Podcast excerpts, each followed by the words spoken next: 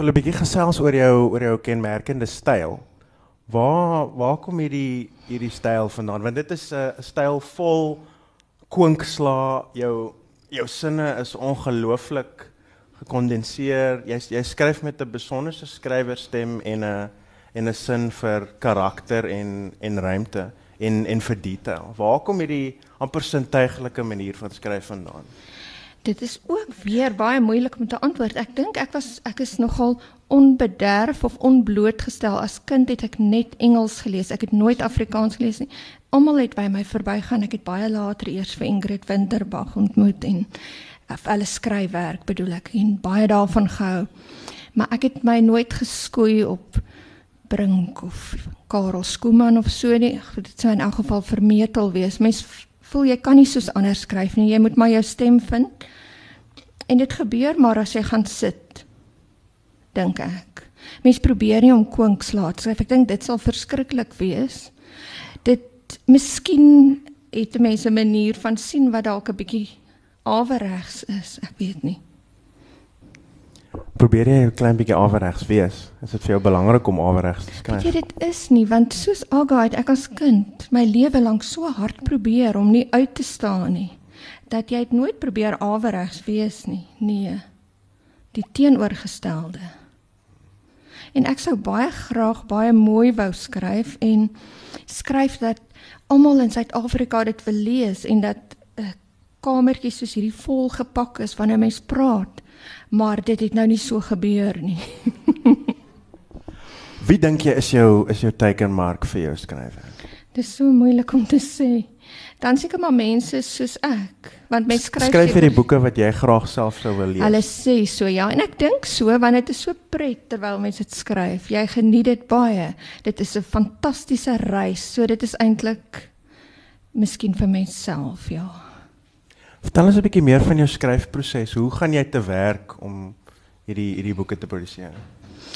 weet jy mens begin dink uh, met my was dit tipies so aan die begin veral dat ek is in 'n verknorsing finansiëel en dan neem ek 'n voorskot of twee op beslag van twee verskillende uitgewers en dan moet jy binne 6 maande twee romans lewer en dan 'n klein bietjie stout nie.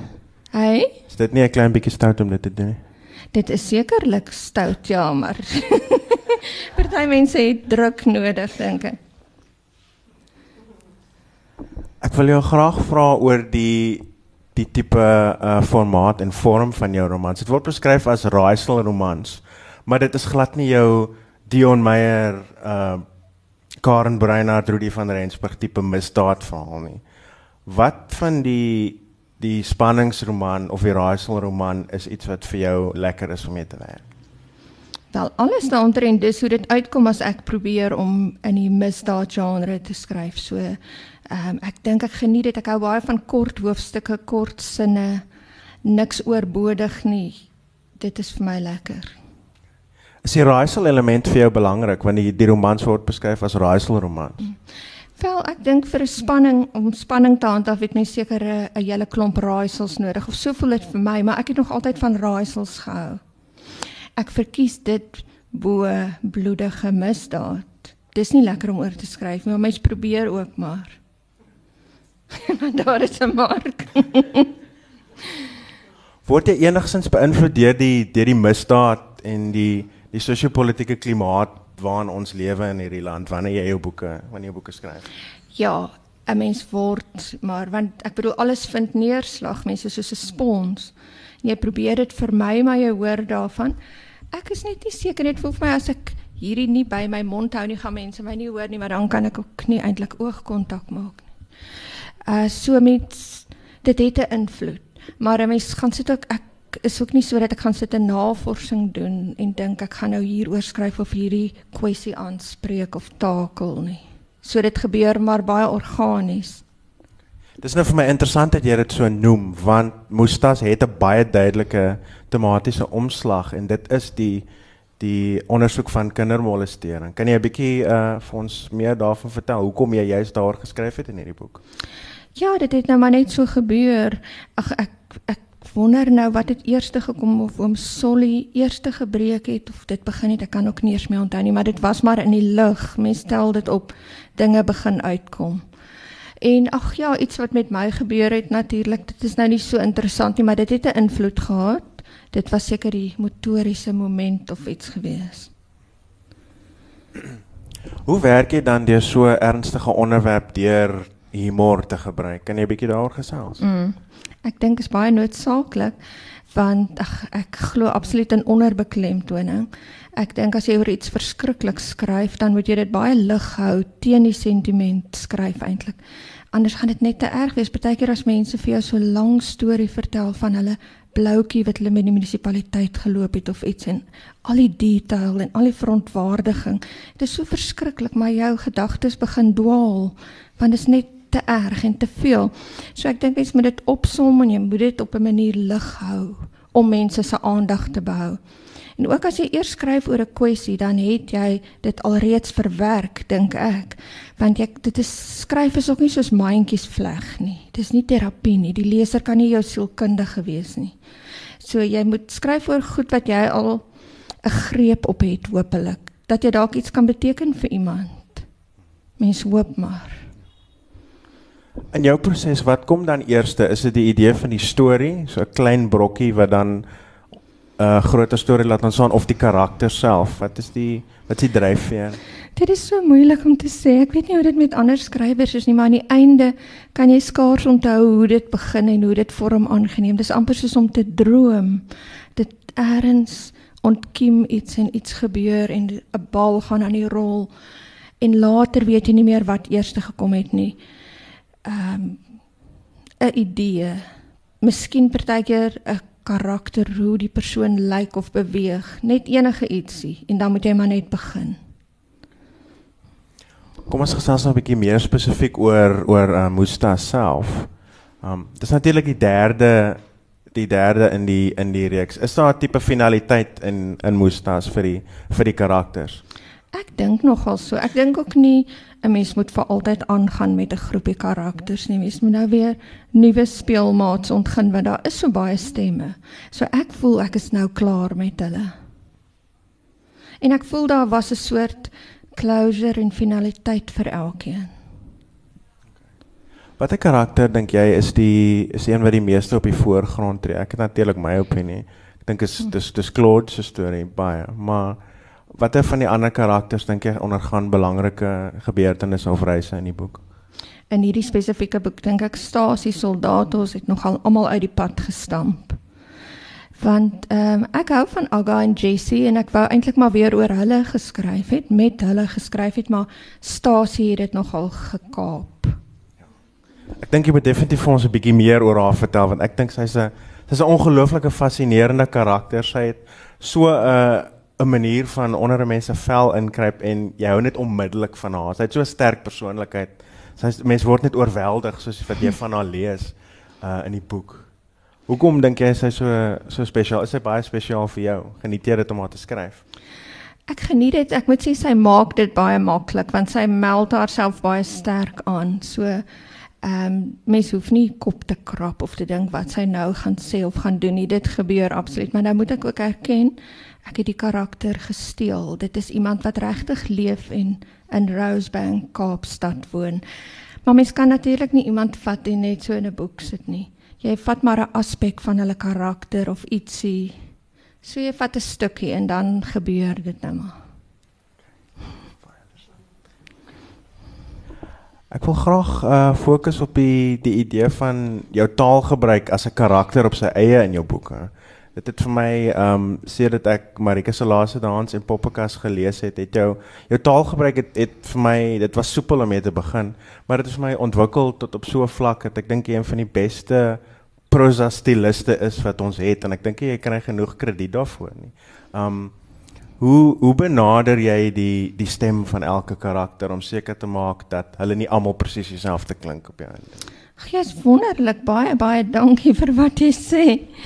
Ehm um, kyk Marike was vir my persoonlik uh bietjie soos 'n gedig om te skryf. Ek het dit nogal baie geniet. Ek weet nie of dit dalk 'n bietjie indulgent was nie. Die Raaisel romans is dit absoluut die karakters wat dit dikteer en hulle eie stemme gee.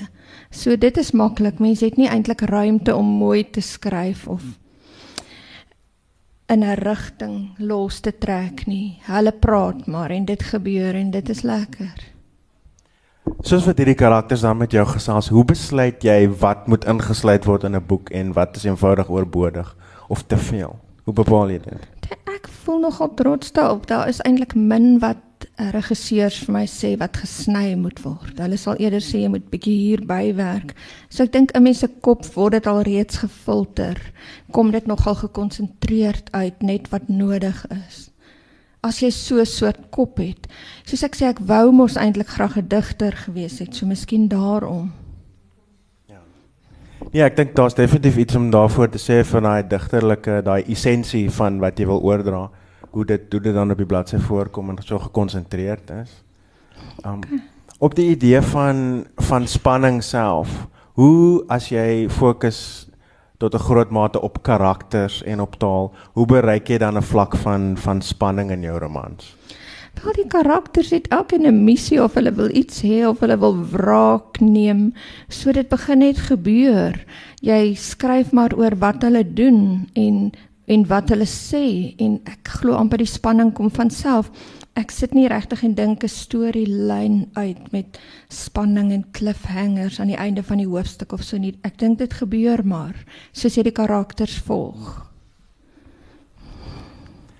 Ek tel definitief 'n baie speelse element in jou in jou skryfwerk op. Um in die nuwe boek is daar 'n toneel waar jy waar daar online gaming is wat gespeel word met Joan Hambidge en sy is natuurlik 'n resensent wat gereeld oor jou boeke skryf. Het jy probeer om 'n paar winks vir die vir die gehoor te gee, 'n paar kwinkslae te gee soos wat vir die boek aangaan?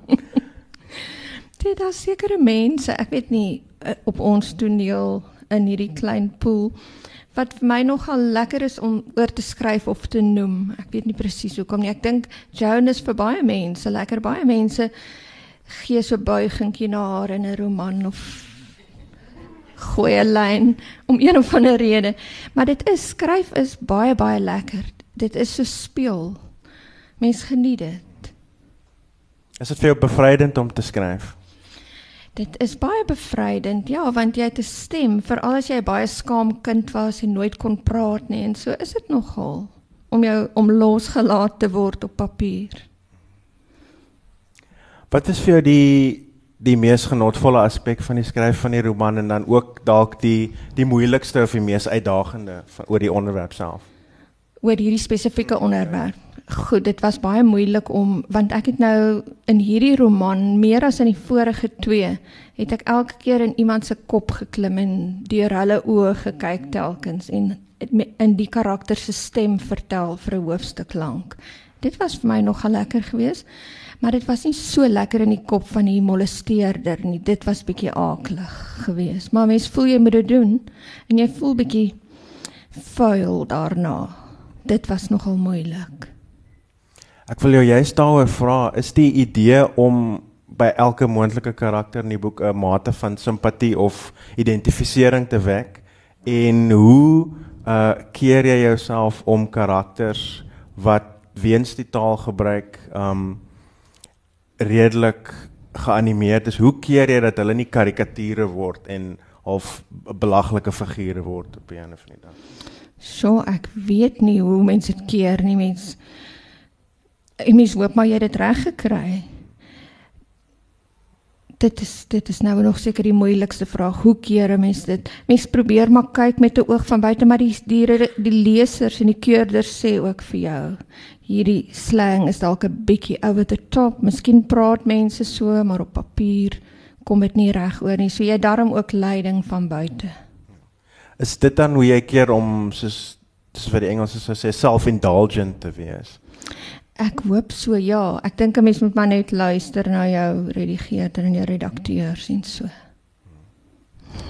Kan jy aan 'n uh, spesifieke toneel dink wat vir jou baie lekker was om te skryf in hierdie boek? Ja, die Tentkerk tonele was vir my heerlik om te skryf want ek was self as jong mens het ek dit was vir my 'n ontsettende bevryding geweest het ek in menige tentkerk gedans en gekneel. Daai daai toneel is ontsettend kleurvol en hulle is Ek was daar. Dit was baie lekker om te skryf want dit is totaal dit ruk heeltemal hand uit. En dit is nie onrealisties nie. Sjoe. Dis dis nogal iets om te weet. Ek wil vir jou vra oor die oor die die pas self van jou romans. Um ek het nou die die drie Raaisel romans redelik vinnig na mekaar gelees en daar's definitief 'n tipe tempo versnelling wat 'n mens teekom in hierdie boek. Was die die die dringendheid van die onderwerp vir jou iets wat jy wou weergee in die manier hoe jy die storie vertel het? Die sinne is baie kort. Dis 'n dis 'n baie intense lees. Dis nie 'n baie lang boek nie. Mm. Goed, maar nie een van my boeke dink ek was baie lank nee. nie. Ja, mense het maar 'n kort asem. Mense het seker maar jou styl. Wat jy wil oordra, wil jy vinnig en baie duidelik oordra. En ja, dalk uh, met 'n mens nou al 'n bietjie meer geoefen geraak. So van die eerste na die derde het dit versnel sê jy. Ja. Goed. Dankie. Nee, ek dink dis dis definitief een van die een van die sterkste van die van die drie boeke. Ek was regtig baie mal daaroor. Ek is baie bly want mens hoop altyd vir 'n opwaartse kurwe, nê. En nou moet ek ek moet vir eenvoudig vra oor jou titels. Want dit is natuurlik die eerste ding wat 'n mens opval. I mean, die neus, wenkbrau en nou mustas. I mean vir iemand wat uh, by exclusive books gaan instap en nie noodwendig weet wie hy is as 'n skrywer en nie die boeke gaan optel hulle gaan geen idee hê waaroor hierdie hierdie boeke gaan nie. Is dit dalk 'n berekende risiko wat jy neem om met hierdie hierdie titels vorendag te kom? Ek weet nie of my risiko's ooit bereken is nie. Ek uh, die neus was soort van 'n working title en toe kan ek net nooit aan iets anders dink nie. Toe dit maar vir my goed op die oor geval. En wenkbrau het 'n vriendin gesê, "Wat is nou die volgende? Seker die wenkbrau." Toe dink ek goed. En Mustas het weer 'n onderhoudvoerder, Pierre Breitenberg, op kyk net het gesê die volgende moet Mustas wees. En toe het ek gesê ja. Is dit vir jou lekker om met 'n met 'n vooropgestelde idee te werk en dit dan deur te voer? Ek hou baie van 'n opdrag. Want ja, dan is daar 'n seker grense en jy weet wat jy moet doen en jy kry soveel idees. Ek kan baie kreatief wees as ek 'n opdrag het, voel dit vir my. Ek was regtig mal oor die die betekenismoontlikhede wat jy ontgin uit die titel uit. Kan jy 'n bietjie meer daaroor gesels oor die die verskillende vertakkings van hierdie mustas in die boek self en dan oor dalk oor die mustasse wat jou uh, wat jy aangedink het terwyl jy die die boek geskryf het. Jy het nog al 'n mustas en ek het sulke lelike goed gesê. Wel, is 'n deel van 'n baard. Probeer. Ek weet nie of dit beter is as dit aan 'n baard verbind, miskien marginaal. Kyk enige woord as jy begin dink daaroor of jy sê dit 'n paar keer oor of miskien is almal nie so nie, dan begin dit vir jou allerhande jy hoor klanke daarin en jy sien deeltjies wat 'n betekenis op sy eie het en met 'n ander deel van die woord praat en so aan. Dit gebeur mos maar so as jy begin dink oor 'n woord en mens moet jouself ook inhou want dit kan hand uitdruk. Ek het eendag gehoor een van die simptome van skizofrenie is iets wat hulle woordslaai noem, wat mense heeltemal buite beheer begin skryf soos brabbeltaal, sal 'n woord vat en soort van ontleed en in 'n rigting hardloop daarmee in 'n verskillende rigting. So mens moet dit bietjie aan bande lê. Aan watter uh snorre het jy dalk spesifiek gedink toe jy toe jy party van hierdie redelike aggressiewe, ek wil amper sê feministiese passasies gepen het want daar's nogal 'n daar's 'n woede in hierdie boek wat ek dink mense nogal ont, ont, ontkant sal vang. Waar kom hierdie woede vandaan? Het jy uit jou pad uit gegaan om 'n feministiese boek te skryf? Nee, ek het regtig nie, maar die dinge gebeur maar ag ek dink vandat ek 'n kind was, het moes tasse my gegraal. Joune is daarom vir my netjies. Maar as jy 'n dogtertjie is, goed veral as as jy as daar al onfatsoenlik aan jou gevat is toe jy baie klein was, maar behalwe daarvoor, ek dink enige iemand, enige dogtertjie wat nou so die ooms moet sien. Ooms moet snorre is 'n bietjie creepy. Mm, mm. So, dit is seker maar waar dit begin het. Ek het 'n paar snorre genoem in die geskiedenis in die boek soos Hitler en Charlie Chaplin en so aan. Ja. Is daar 'n volgende liggaamsdeel of iets waaraan jy werk? Ek dink nie ek kan nou laer gaan nie. On, ek dink ons hou dit hier. okay. Sien jy die boek as 'n tipe aanklag teen die die sin van die manlike wat ons in ons samelewing op die oomblik het. Dit blyk vir my dat ons 'n gebrek het aan nie net helde nie, maar ordentlike mansfigure. I mean, jy dink aan die val van Oscar Pistorius. Mm. Jy dink aan soos uh, Paul Potbelly, um uh Malema, jy dink aan iemand so Zuma. Uh is dit is dit 'n aanklag teen die tipe mans wat ons in ons samelewing het op hierdie stadium? Ja, ek dink so, maar gelukkig en dit sê ek ook in die boek of 'n karakter sê dit dat daar is soveel mans wat nooit hulle hand sal lig teen 'n vrou of 'n kind of enige iemand sal bevroetel nie. Dit is eintlik 'n uitsondering, maar ongelukkig reis hulle nogal na die oppervlak. So die mans wat nuus maak dikwels is regtig pateties. Tegnologie is natuurlik die die die hulpmiddel vir al hierdie dinge want sodra iets gebeur in die nuus is dit op Twitter, dis op Facebook en jy gebruik tegnologie op baie interessante maniere in die boek. Hoe het die die aanspraak van tegnologie en die ontwikkeling van soos online social media, hoe dit jou skryfwerk beïnvloed? Wel ek dink dit het alles beïnvloed. Niks kan ooit weer dieselfde wees nie, nê? Jy kan dit nie ignoreer nie. Ek byvoorbeeld geniet nie eintlik Twitter nie. Ek skakel dit af. Ek wil nie heeltyd my foon soos 'n kriek moet te kere gaan en almal oor die hele wêreld wat aandag soek of wat op 'n platform klim. So dis nie vir my lekker nie. So ek vir my lekker om te tweet self nie, maar uitgewers hou daarvan as mens baie keer tweet. So mens probeer. Maar tegnologie, dit is net dit het alles verander, veral as 'n mens kinders het ook en sien hoe hulle lewens verskil van myne toe ek 'n tiener was of 'n jong mens was. Dit is heeltemal 'n ander ball game, né? Nee.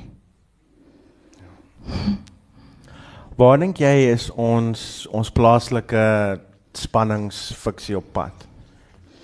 Ag weet jy, ek dink dit is baie gesond. Want jy's natuurlik 'n resensent. I mean jy jy lees jy lees die boeke. Ja. Ek dink is baie gesond en dit gaan baie goed daarmee. Dink nie ek het eintlik 'n nuwe weg gebaan of enigiets nie.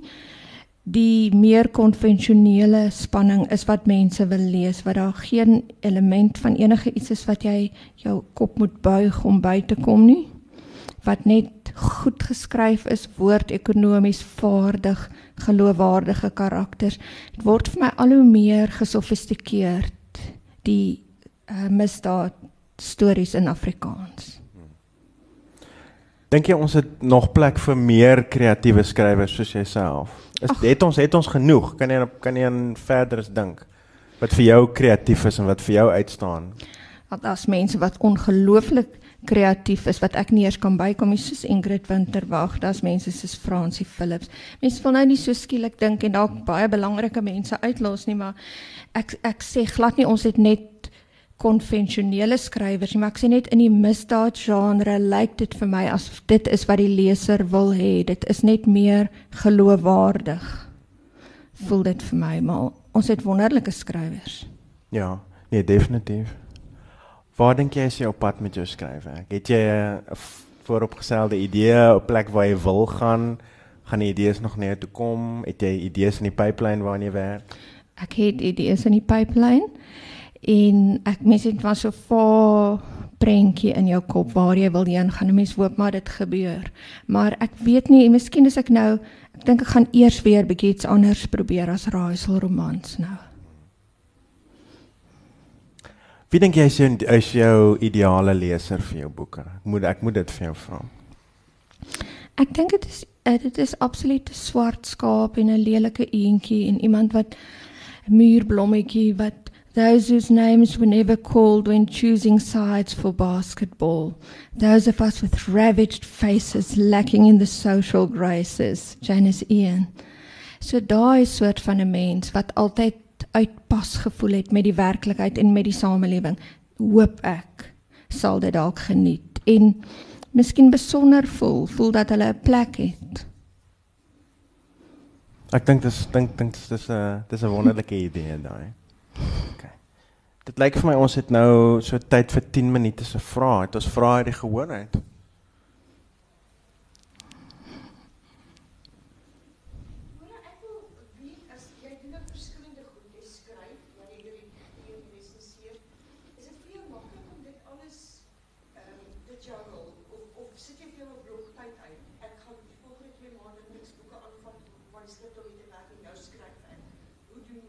Mens wil dit baie graag doen, maar dan is dit net nie prakties moontlik nie. So daar's altyd iets wat dit uit die pad wil stamp. Maar dan, ek eh, gelukkig het ek nou nie meer 'n kantoorwerk van 8 tot 5 nie.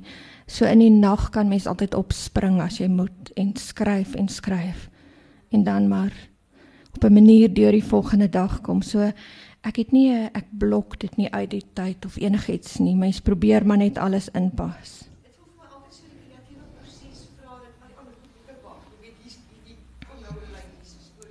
Ja, ideaal gesproke. Ja. Maar daar is so min mense wat kan dink ek, nê, nee, want 'n mens mens maak nie baie geld daar uitskryf behalwe as jy as jy gelukkig is en net die regte resep of stem vind. Dis nog verdere vrae.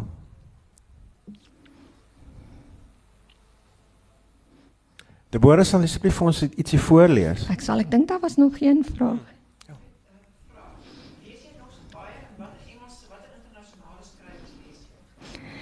Ek hou baie van Haruki Murakami. Ek sal graag sulke boeke wou skryf as dit hier sal verkoop. Ek sal graag wil probeer.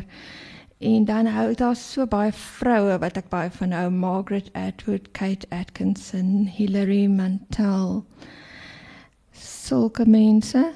Uh Jonathan Franzen. As mens mos so skielik moet dink Peter Carey. Daar's baie mense wat ek um graag lees. En ek lees misdaad ook baie graag maar dit is my amper bietjie anders. Ek sal nie sê dit is 'n stap 'n trappilaar noodwendig nie maar ek lees dit nogal net 'n ontvlug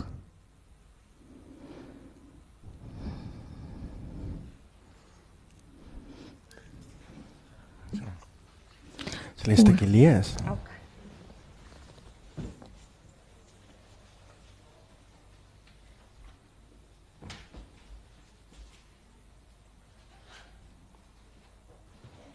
Ek het 'n boekie so. Maar dit bron. Ah, die bron.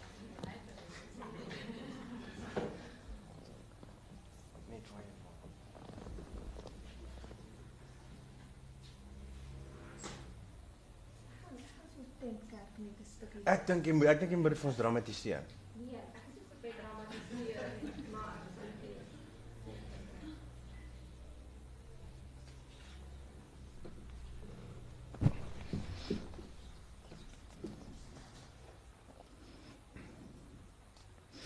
Die tent se interieur is wit, is lila en wit, boaards vroom en klinies soos 'n ontvangslokaal van afbop.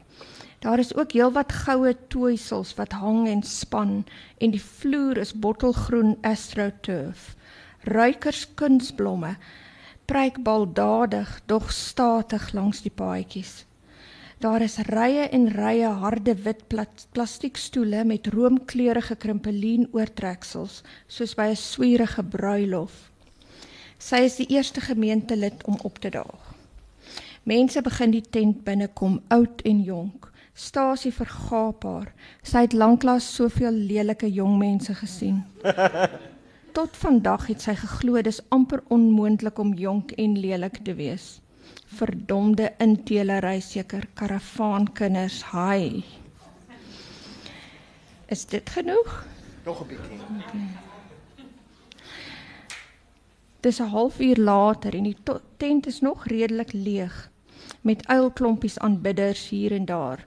Onder luide orgelgeskarrel slenter en sy stap Danny Peter die verhoog op soos 'n rhinestone cowboy, soos Elvis in Memphis, Tennessee. Sy blinkers skitter in die neonlig soos 'n sonsopkoms. Sy beltbakkel is enorm en verblindend soos die skild van 'n wêreldkampioen bokser. Hy gaan staan voor die mikrofoon, oë blindelings ten hemele en begin babbelend in tale praat, gedra deur die bronstige ritme van Fanny se synthesizer. Die gemeente vang ook gees en begin plek plek gebroke en ekstaties stamel.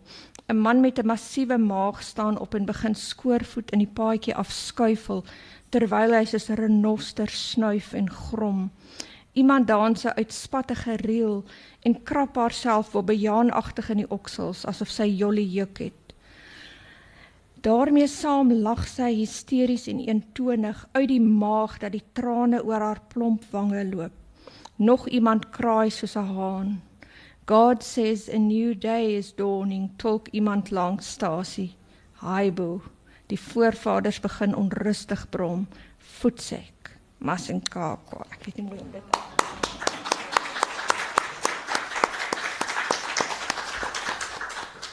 En dis net 'n klein voorsmaak hier, die res van die boek is nog beter. Deborah, baie dankie vir die vir die geleentheid om met jou te gesels en baie dankie dames en here dat julle kom luister het. Baie dankie Jonathan. Ek mag gou 'n laaste woord hê en dit is ook net veel albei baie dankie. Dit was 'n baie lekker gesprek. Ehm um, Eben die boeke het nou opgedaag, né? Nee. Hulle is nou in die boekwinkels. So as jy wil boeke koop, die eerste eksemplare is nou daar en uh, en Deborah sal teken, né? Ja. dankie. Dankie.